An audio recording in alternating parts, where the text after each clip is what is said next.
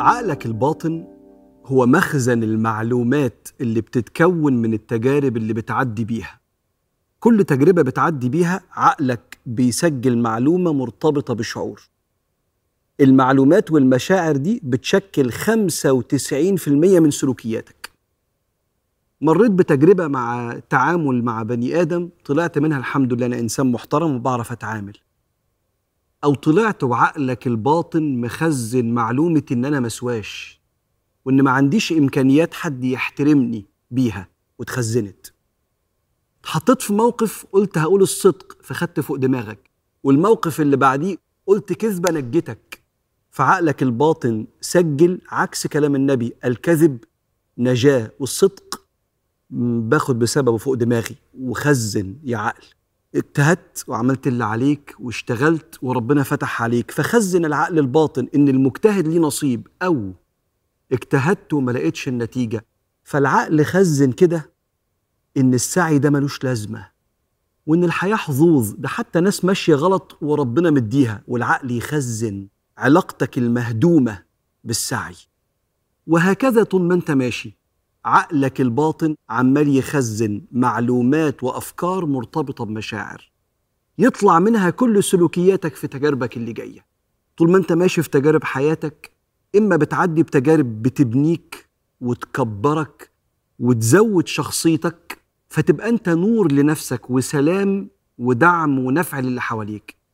أو بتعدي بتجارب بتهد فيك وتهدم جزء من شخصيتك.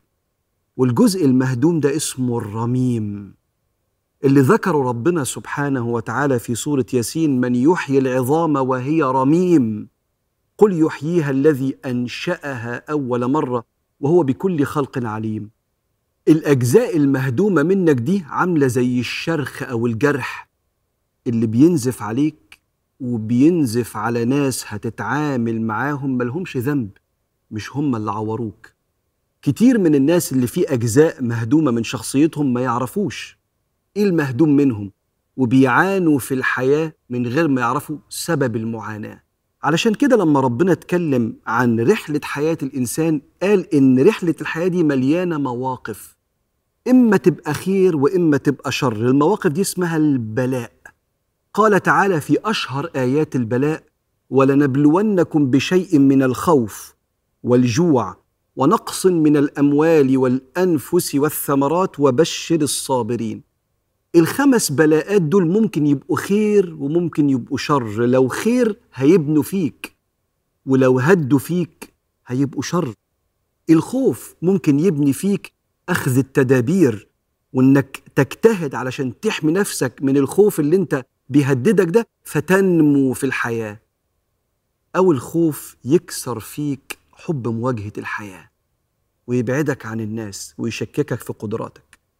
الجوع ممكن يخليك تشتغل عشان ما تمدش إيدك للغريب أو الجوع يخليك تفقد الثقة في مدد ربنا وإنه مكفيني من الحلال. الخوف والجوع ونقص من الأموال نقص المال بيخلي إنسان يفكر ويخطط ويجتهد ويحسن طريقة إنفاقه أو نقص المال يخلي الإنسان جشع بيدوس على رقبة أخوه عشان القرش.